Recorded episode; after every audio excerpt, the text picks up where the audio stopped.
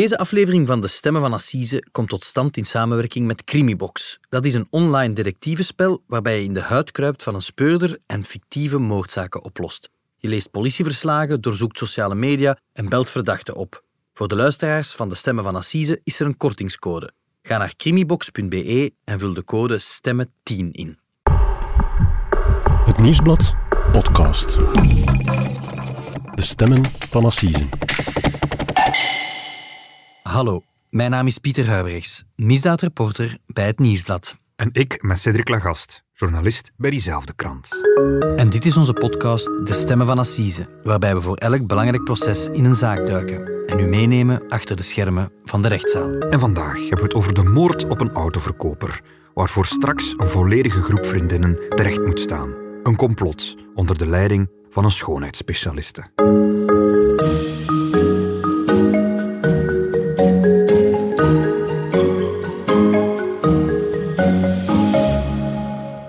Dag Cedric. Dag Pieter. Cedric, welkom op onze vaste wekelijkse afspraak hier op Linkeroever. Dankjewel. Uh, we zullen het deze week opnieuw hebben over een spraakmakend gerechtelijk onderzoek, Ja. uh, waarover in de rechtbanken zal gedebatteerd worden. Maar als ik het goed begrijp, moeten we daarvoor deze week niet in de Vlaamse Assisehoven zijn. Nee, het is deze maand bijzonder rustig in Vlaanderen. Het is vandaag wapenstilstand. Dat lijkt ook een beetje de sfeer in de Assisenhoven te zijn. Het bougeert weinig. Er staan de komende weken nog wel een paar interessante strafzaken op de rol eh, in de rechtbanken. Maar niet in de Vlaamse Assisehoven. Hè. Daar staan deze maand geen zaken gepland. En daarom trekken we deze week de grens over naar Frankrijk. Meer bepaald naar de Franse stad Rouen. Mhm. Rouen, dat ligt pal in Normandië. Ja. Uh, voor welke zaak moeten we zover afreizen? Wel, het gaat deze keer over de moord op een 45-jarige autoverkoper. Een Fransman die vier jaar geleden dood is teruggevonden in de Seine. Hij was vermoord, zijn lichaam was zwaar toegetakeld en meer nog, zijn lichaam is eigenlijk onthoofd teruggevonden. Mhm, Klinkt als een, een zeer luguber verhaal. En, en de titel van deze Ja. podcast is eh, Complot van de schoonheidsspecialisten. Klinkt allemaal zeer intrigerend, moet ik zeggen. Ja, wel, het, het Franse gerecht heeft uiteindelijk eh, achterhaald hoe de moord is gepleegd. En ze hebben niet één dader geïdentificeerd. Ze hebben eigenlijk een groep mensen geïdentificeerd als zijnde de daders. En heel opmerkelijk, het zijn allemaal vrouwen. Het is eigenlijk een groep vrouwen die ervan beticht worden dat ze samen de garagist hebben vermoord. En de hoofddader, dat is een schoonheidsspecialiste. Je zei eerder deze podcast al dat het slachtoffer onthoofd is teruggevonden. Ja. Eh, ja, dat is verre van een alledaagse situatie natuurlijk. Eh, wat is daar precies gebeurd? Wel, het onderzoek zelf start eigenlijk op een zondagavond, wat vier jaar geleden. Het is eigenlijk eh, allemaal gebeurd in november 2018. En het begint als de Franse rivierpolitie, bij ons heet dat de zeevaartpolitie, in Frankrijk is het de rivierpolitie, in de Seine, in de rivier de Seine, ter hoogte van het dorpje Amfreville-la-Mivois, als ze daar eigenlijk een blauw dekzeil zien drijven.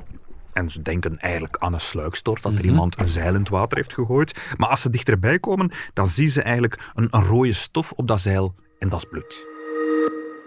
C'est sur les berges, face à la base nautique d'Anfreville-la-Mivois, que la brigade fluviale a fait une découverte macabre dimanche aux alentours de 17 heures. La zone a immédiatement été barrée aux autres véhicules pour les besoins de l'enquête.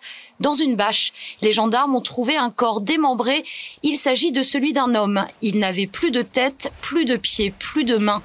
Ce matin, la police scientifique était encore sur le chemin de halage pour repérer d'éventuels indices Uit deze reportage van eh, France 3 Normandie begrijp ik dat er een lichaam onder dat zeil lag. Ja, een lichaam, een mannenlichaam, een naakt mannenlichaam zelfs. En, en dat lichaam is, is zwaar toegetakeld. Hè. Er is een voet afgehakt, er is een been geamputeerd, zijn beide handen zijn afgezaagd. En, zoals gezegd, het hoofd van de man is weg. Hij is onthoofd. Mhm. En dus er, er start een zoektocht naar een onbekende dader van wie in godsnaam heeft hier een lichaam in stukken gezaagd. Ja, voilà. Ze zitten met een lichaam zonder hoofd, zonder handen, zonder voeten. En, en ze concluderen eigenlijk ook al snel dat dat met opzet is gedaan om ervoor te zorgen dat zij niet zouden weten wie die man is. En, en dat lukt in eerste instantie ook, want het duurt een paar dagen voordat dat ze weten wie die man is. Drie dagen later eigenlijk vindt een arbeider van de stad Rouen nog een onderbeen, verstopt in een vuilnisbak, een paar kilometer eh, van die vindplaats van dat lichaam. En diezelfde dag nog zijn er een aantal duikers die in, in de rivier op zoek gaan naar verdere sporen, niet ver van de plek waar, waar dat lichaam gevonden is. En ze vinden nog een hand in een plastic zak. Dus al die lichaamsdelen waren in een straal van enkele kilometers gedumpt. Ja, absoluut. Maar zelfs als ze die hand hebben, zelfs dan eigenlijk kunnen ze nog niet achterhalen wie die man is. Want ehm, van die hand, de huid van de vingertoppen is weggehaald. Zodanig dat ze eigenlijk de vingerafdrukken niet kunnen nemen van die hand. En daarmee zouden kunnen weten wie die man is. Ehm, ze staan voor een raadsel. Er is ook niemand die naar de politie stapt en zegt van er is hier iemand vermist. Iemand die aan dat profiel beantwoordt. Ze weten het eigenlijk niet wie dat is. Als ik u wil beschrijven wat die onbekende dader of daders gedaan hebben, klinkt als een heel professioneel uitgevoerde moord. Ja. ja er zullen ook geen papieren bij dat lichaam onder dat dekcel hebben gezeten. Nee, de man aan. was naakt, hij had geen kleren aan. Voilà. Toen me een beetje denken aan onze podcast van enkele eh, weken geleden, hè, de Duinenmoord in Brugge. Ja. Ja. toen heeft het een vol jaar geduurd, je hebt dat uitgelegd, vooraleer ze een, het vrouwenlichaam dat daar in de duinen werd, was gevonden, een naam konden geven. Mhm. Heeft dat hier ook allemaal zo lang aangesleept? Nee, en, en Rouen was het uiteindelijk een, een kwestie van een paar dagen. En de identificatie is uiteindelijk gelukt door DNA-onderzoek. Ze hebben het DNA van het lichaam Van, genomen. van de romp eigenlijk. van de romp. En, en dat levert een hit op. Hè. Dus de persoon zat in de databanken van de, van de Franse politie, Ja. maar die was niet als vermist opgegeven. Nee, er is geen hit met eh, de DNA-databank van vermiste personen. Je moet weten, Pieter, eh, er zijn drie soorten DNA-databanken.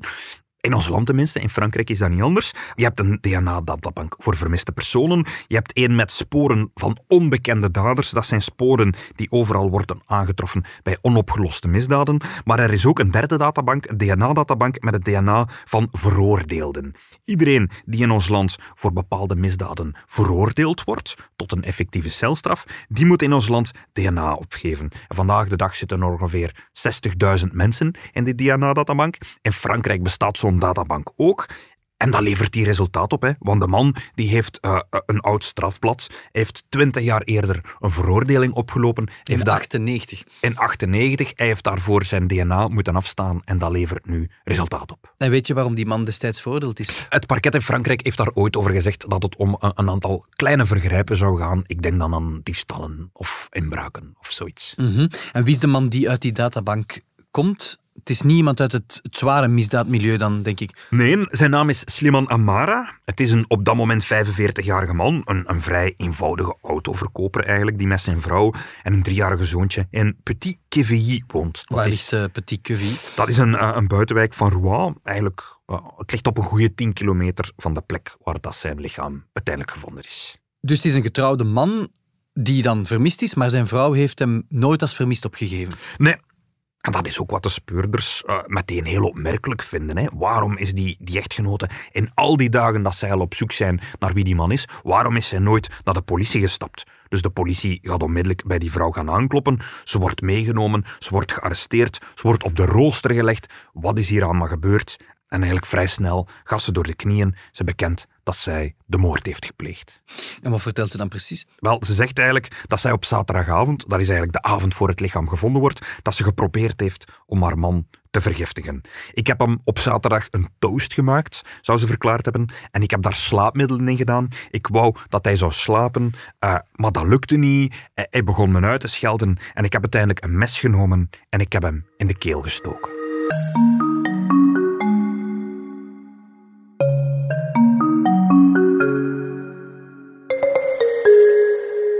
Cedric klinkt als knap en, en efficiënt speurwerk. Op een paar dagen is de vermoedelijke dader gevat, zijn er bekentenissen afgelegd, blijkt zijn eigen vrouw te zijn.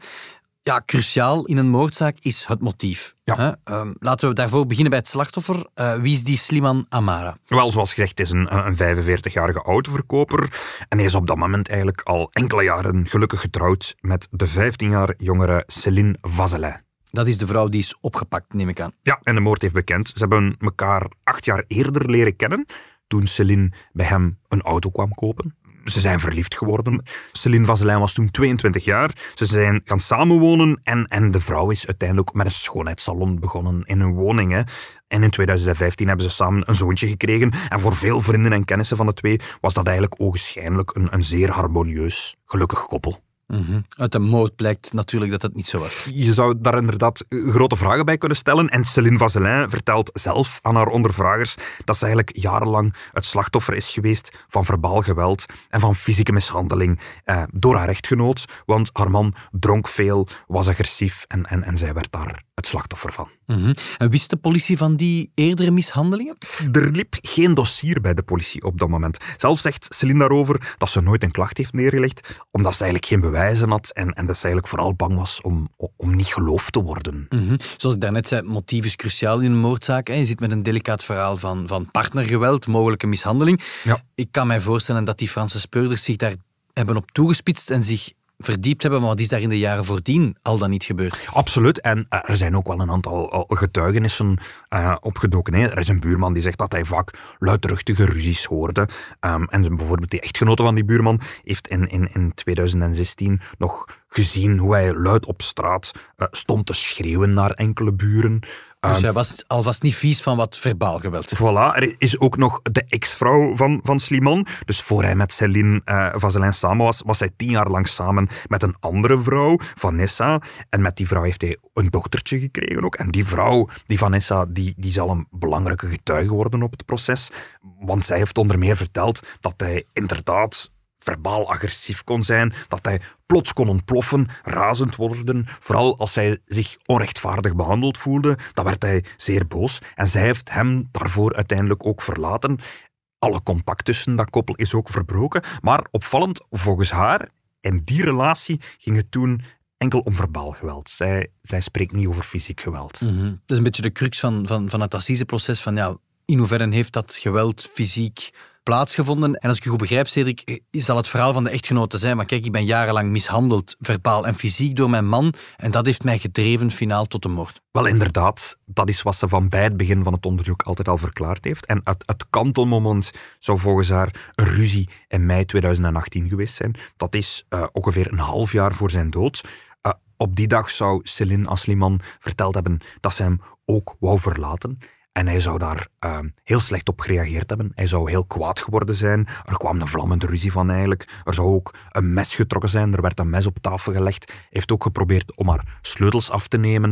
Um, en eigenlijk vanaf die dag, zegt ze, was ze doodsbang. En haar advocaat heeft daar ook al een interview over gegeven. En in dat interview heeft haar advocaat gezegd dat dat voor haar een zeer traumatiserende gebeurtenis was. En dat dat de aanleiding zou geweest zijn voor het moordplan zes maanden later. Mm -hmm. Wat denkt het Franse gerecht zelf over dat motief? Is dat al duidelijk? Wel, Céline Vazelin is, is ook onderzocht door een gerechtspsychiater. En die zou concluderen in zijn rapport dat die echtgenoot wel degelijk een, een vorm van psychische controle had over haar. Dat ze wel degelijk in, in een staat van, van permanente stress verkeerde. En, en volgens haar advocaten zou Céline na haar arrestatie zelf verklaard hebben dat ze opgelucht was. Dat ze veilig en wel in de gevangenis zat. Dat het eigenlijk een last was dat van haar afviel. Dat ze zich voor het eerst in zes maanden veilig waande. En dat ze zelfs achter tralies kon bekomen. Zo interpreteer ik dat ook. Maar uiteindelijk, Pieter, het, het is de jury die zal moeten oordelen, niet wij. Um, wat daar precies gespeeld heeft. Hè. Iets zegt me dat de, de, tegenpartij dat fel betwist. Ja, wel, de familie van Sliman Amara, die wil dat verhaal over de mishandeling eigenlijk niet geloven. Ook vooral zijn zus niet heeft zich daarover uitgesproken. Ze zeggen dat zij daar nooit iets over hebben opgemerkt. Uh, en zij omschrijven Sliman als een, een verliefde, galante echtgenoot, als de man die ooit een groot feest organiseerde voor de dertigste verjaardag van Céline, die zijn vrouw altijd ma petite femme noemde. Uh, en zij zien Céline Vazelijn dan weer als een kordate, karaktervolle echtgenote die de leiding had over het huishouden. Maar uiteraard, Pieter, dat zal allemaal voer zijn voor debat in de Assisezaal. Daar kunnen wij ons niet over uitspreken.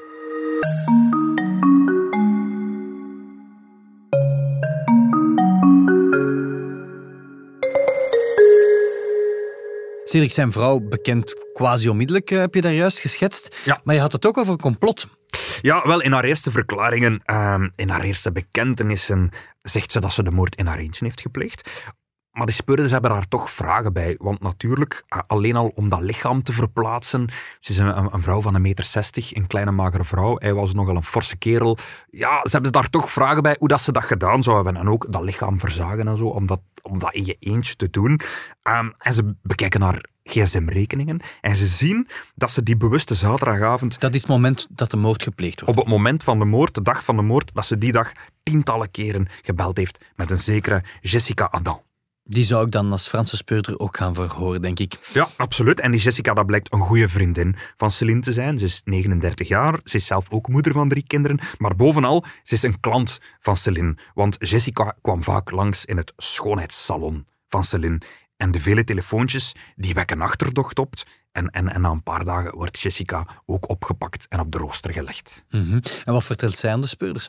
Wel, ook zij gaat eigenlijk vrij snel door de knieën. Ehm, het is een ijzingwekkend verhaal dat ze daar vertelt. Ehm, ze vertelt eigenlijk dat haar vriendin Celine haar die avond gebeld heeft en dat ze om acht uur s'avonds naar het huis van Celine is gegaan. En toen ze daar kwam, zag ze dat de echtgenoot Sliman verdoofd op de grond lag in de woonkamer. Hij was buiten bewustzijn.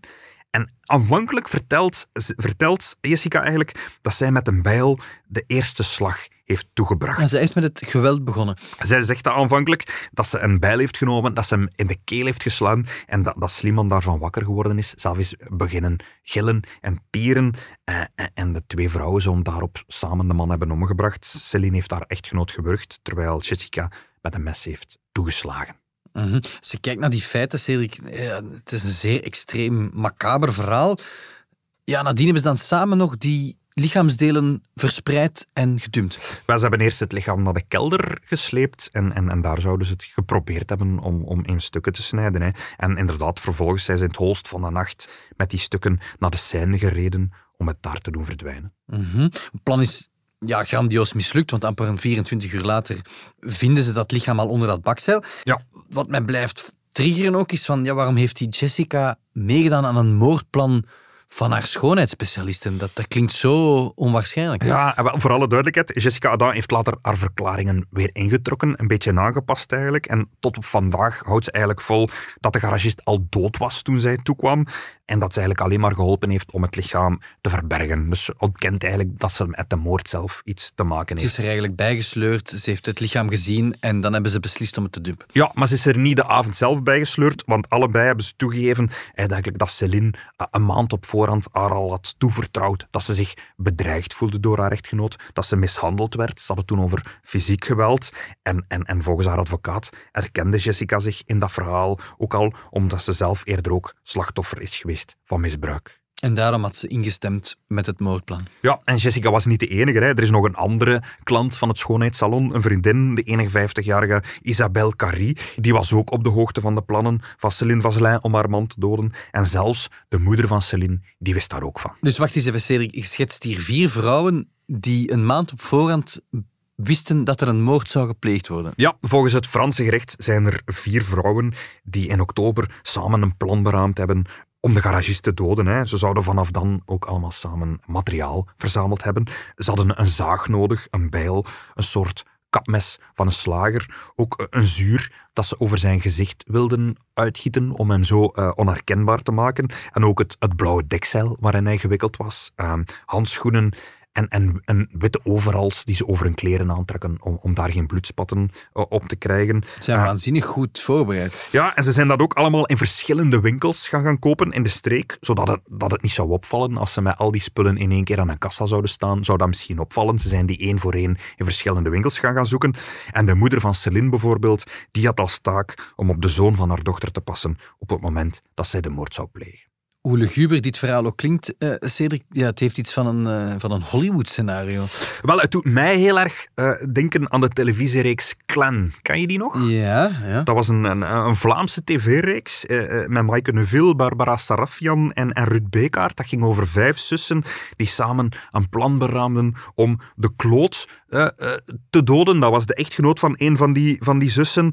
En, en, er is trouwens net een Engelstalige remake van, van die serie gemaakt onder de naam uh, Bad Sisters. Dat, daar doet het heel erg aan denken. Nu, het, het grote verschil met de tv-reeks is natuurlijk dat op tv de zussen er lijken mee weg te komen en dat hier in Frankrijk de vriendinnen al na enkele dagen in de cel zitten.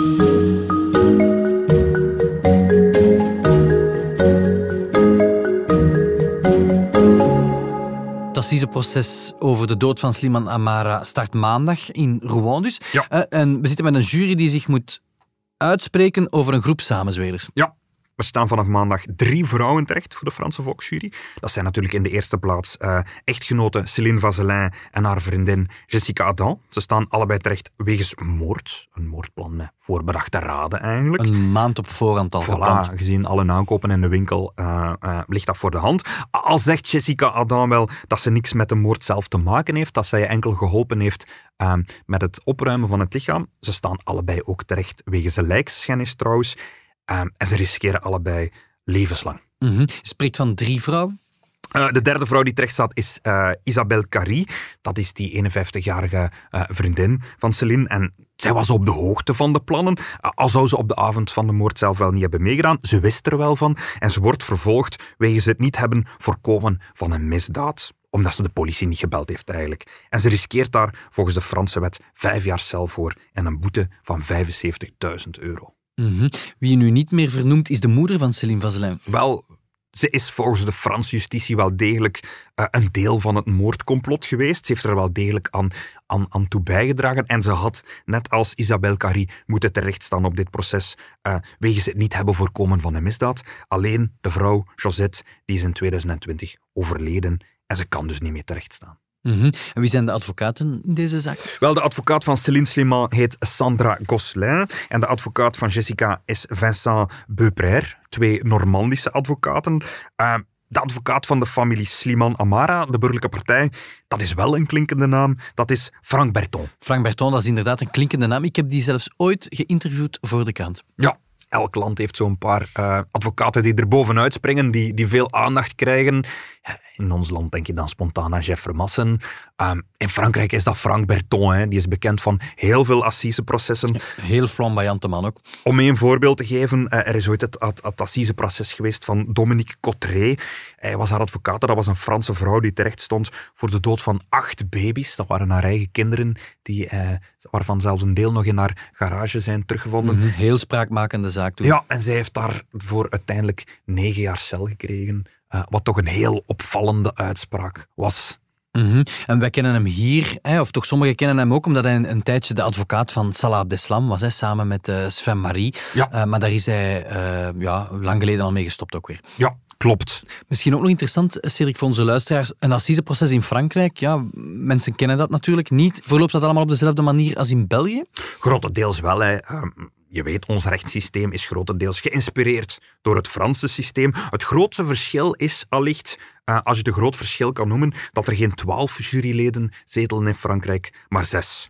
En het assiseproces in Rouen zal ook een week duren. En volgende week vrijdag wordt er een uitspraak verwacht. Mm -hmm. Daar komen we dan zeker op terug. Ja. Zijn er in het verleden eigenlijk grote Franse assiseprocessen geweest die ons pad gekruist hebben? Wel, we hebben er al een paar vernoemd. Veel mensen zullen misschien denken aan het terreurproces over de aanslagen van Parijs. Dat was eigenlijk geen assiseproces. In tegenstelling tot bij ons in België. De aanslagen op Saventem en op metrostation Maalbeek, die worden in ons land straks wel voor een volksjury ge gebracht.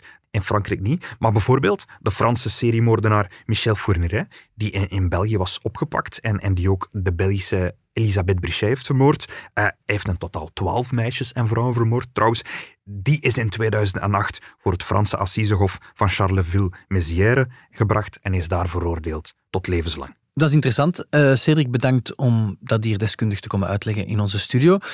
We gaan dat de komende dagen, dat proces, denk ik, weliswaar van op afstand volgen. Hè, er in de krant en op onze website over berichten. En je kan updates van wat er in Rouen gebeurt ook, ook verwachten op onze Instagram stories. We moeten nog even naar Nederland, uh, waar onze collega Mark Cliffman de voorbije dagen het proces volgde tegen de Vlaamse Sandra Hellemans, die terecht stond voor de gruwelijke moord op de Nederlandse Michelle van der Velde. Mark, uh, jij bent twee dagen naar Middelburg getrokken. Hoe is dat daar verlopen? Ja, het was een eh, zeer beladen proces. Hè. Je moet je dat voorstellen, Pieter. Dus um, heel de, de, de, nabestaanden van Michelle, de vader en de moeder en de broer, die stonden voor het eerst oog in oog met uh, Sandra Hellemans. Dat was de eerste keer dat ze haar zagen, sinds de feiten.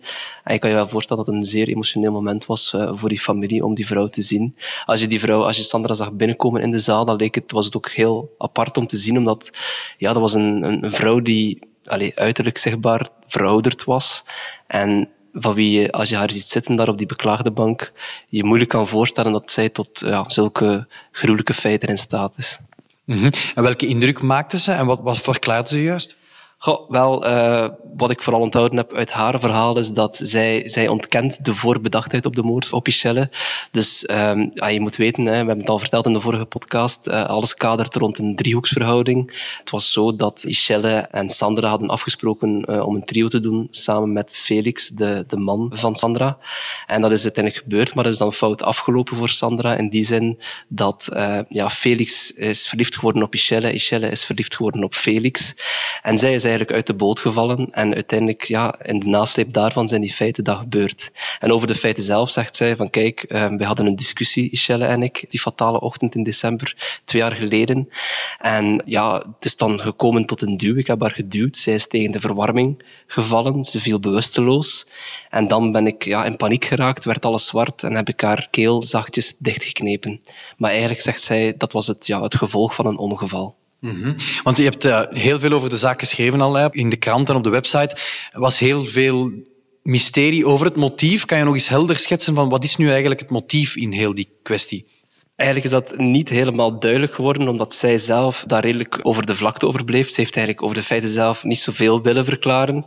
Maar de aanklager, het Openbaar Ministerie, die is er eigenlijk van overtuigd dat Sandra Hellemans zich gepasseerd voelde in heel die relatie. Dat zij zich er niet mee kon ja, verzoenen dat Ischelle en, en haar man Felix op elkaar verliefd waren geworden. Zij voelde zich een beetje bedrogen door Ischelle, zei de aanklager.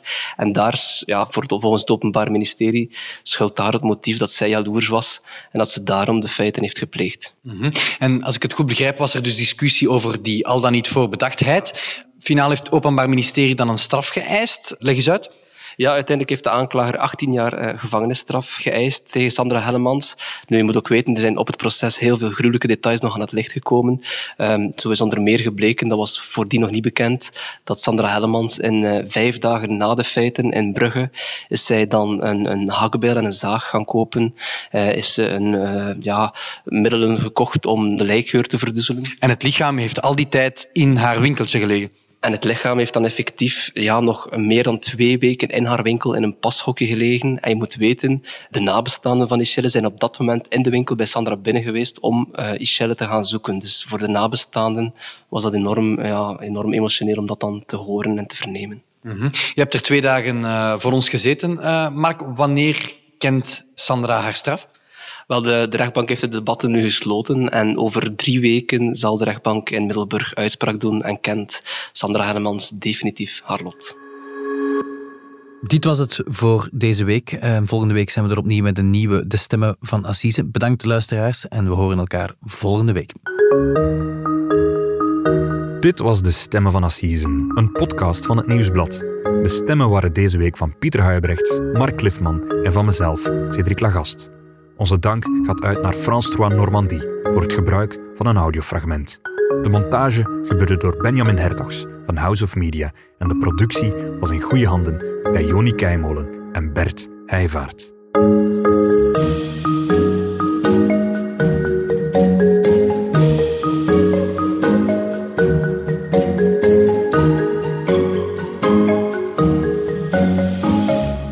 Heb je de andere podcasts van het Nieuwsblad al beluisterd?